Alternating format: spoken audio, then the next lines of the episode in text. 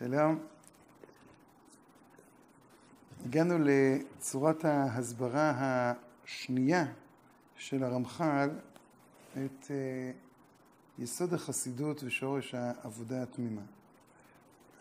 נקודת הבסיס שממנה, או אפשר לומר בלעדיה, אי אפשר לבנות עולם אה, רוחני, עולם של מוסר. השלב הראשוני זה היסודי, זה הבירור לאן, לאן נוסעים. הצורה הראשונה, הוא דיבר יותר על הטיפוס, על האיך. איך אדם נראה אה, בסופו של כל התהליך של הבנייה המוסרית. הוא מתענג על השם. אבל מה המהות של ההתענגות? לכן הוא מוסיף פה, וכשתסתכל עוד בדבר, תראה כי השלמות האמיתי הוא רק הדבקות בו ידברך. תענוג בטבעו הוא תנועתי. כי נזכרנו שיש שתי שפות בפרק הזה, השפה של היסוד והשפה של השורש. השפה שבאה ומציבה עולם שלם שיש לה התחלה וסוף לבין התנועה. האיך הוא התנועה, האיך הוא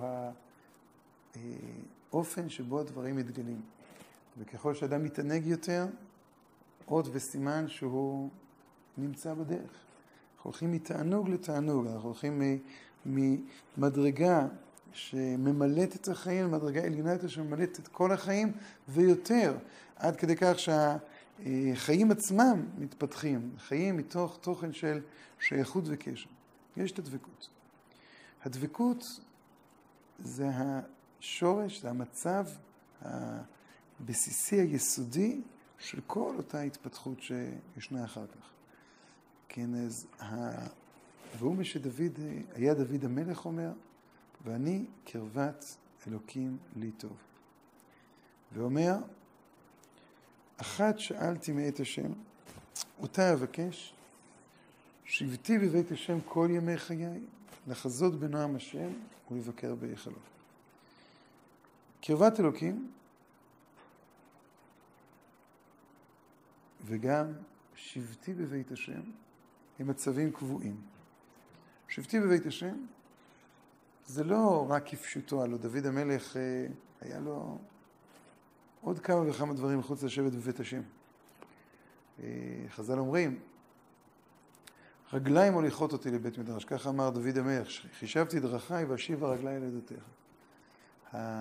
הרגליים, זו לא הכוונה שפתאום לפתע מוצא את עצמו דוד המלך בבית מדרש, אלא הרגליים של האדם הם מצד אחד אלה שמאפשרות לו את התנועה, את ההתקדמות, את ההתפתחות.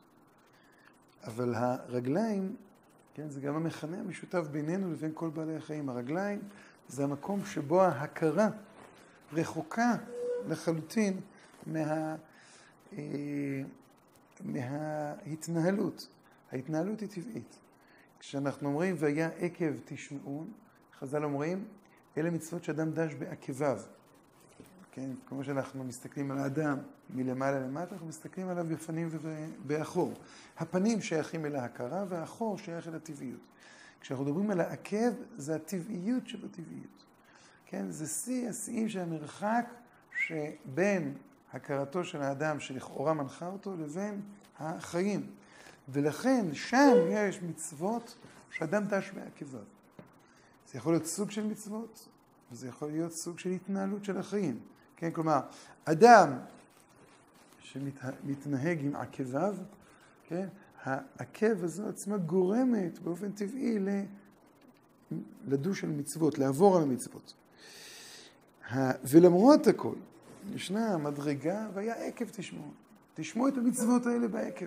תשמעו את המצוות האלה בטבע החיים שלכם. חישבתי רגליי, זה אומר שלדוד המלך השבטי בבית השם. ודוד המלך, קרבת אלוקים הייתה המצב הכל כך קבוע, כל כך טבעי, גם כשהוא חשב, אפשר לקרוא לזה ענייני חול, ההכרה שלו עיבדה תוכניות ואסטרטגיות שקשורות ל... לצדדים המעשיים של החיים, לצדדים החומריים של החיים. הפנים, התוך, היה רצוף אהבה. הפנים והתוך היה שייך לקרבת אלוקים. והידיעה שקרבת אלוקים לי טוב, היא נותנת את האושר לאדם. הרבה פעמים אנחנו נפעלים ממציאות חיצונית, כן, שהיא זו שגורמת לנו ל... כן, להעריך את סולם האושר שלנו. דוד המלך, אה, כמו שחז"ל אומרים, שאדם חייב לברך על הרעה כשם שהוא מברך על הטובה. המצב הקבוע של קרבת אלוקים יוצר מצב של חוסר התפעלות ממקרי החוץ, אלא כל הזמן תנועה. תנועה של שייכות, תנועה של הוספת קידוש השם, תנועה של הוספת קריאה בשם שמיים על כל צעד ושעד. וביחס לאלוקים, יש פה שלוש רמות. שבטי בבית השם, כל ימי חיי. זה המצב שמקביל לקרבת אלוקים. אבל קרבת אלוקים היא אומנם מצב, אפשר לקרוא לזה קבוע, אבל ב... יש איכויות לקרבת אלוקים. לחזות בנועם השם. לחזות בנועם השם, הנעימות של ההופעה של ריבונו של עולם, ההתאמה, הקשר, מרחיבה את החיים כל הזמן, מגדלת את החיים כל הזמן. אם אה, העונג מתבטא בסובייקט, הנועם מתבטא, כן, ביחס של ריבונו של עולם לעולם שאנחנו נפתחים אליו. כן, העונג זה הכלי של ההכלה של אה, נועם השם. כן, וה... אה, וככל שהחיים מתרחבים, אנחנו זוכים לברקים.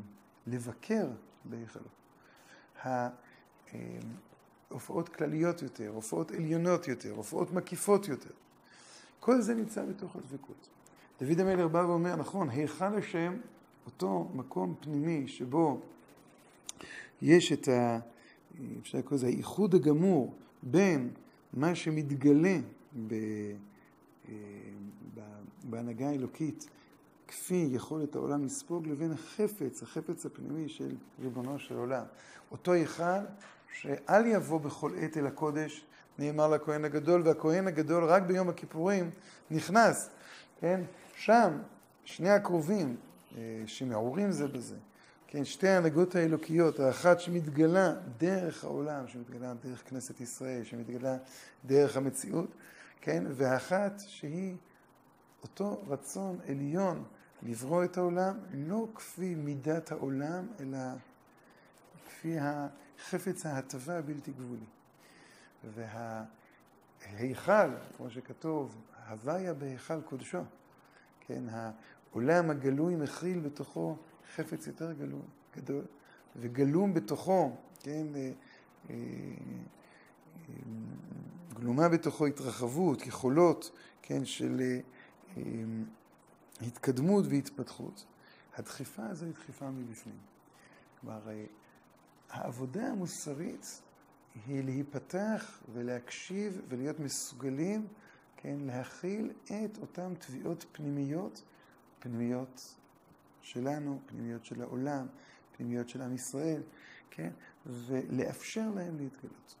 כל התהליך של העבודה המוסרית הוא תהליך של חשיפה, חשיפה של מה שיש. אבל חשיפה לא רק של משהו שיש באופן קבוע ומוחלט, אלא כמו שאמרנו קודם, המוחלטות הזו עצמה תובעת מדרגות. שבתי בבית השם כל ימי חיי, לחזות בנועם השם ולבקר בהיכלו, כי רק זהו הטוב. בעזרת השם, נמשיך בפעם הבאה.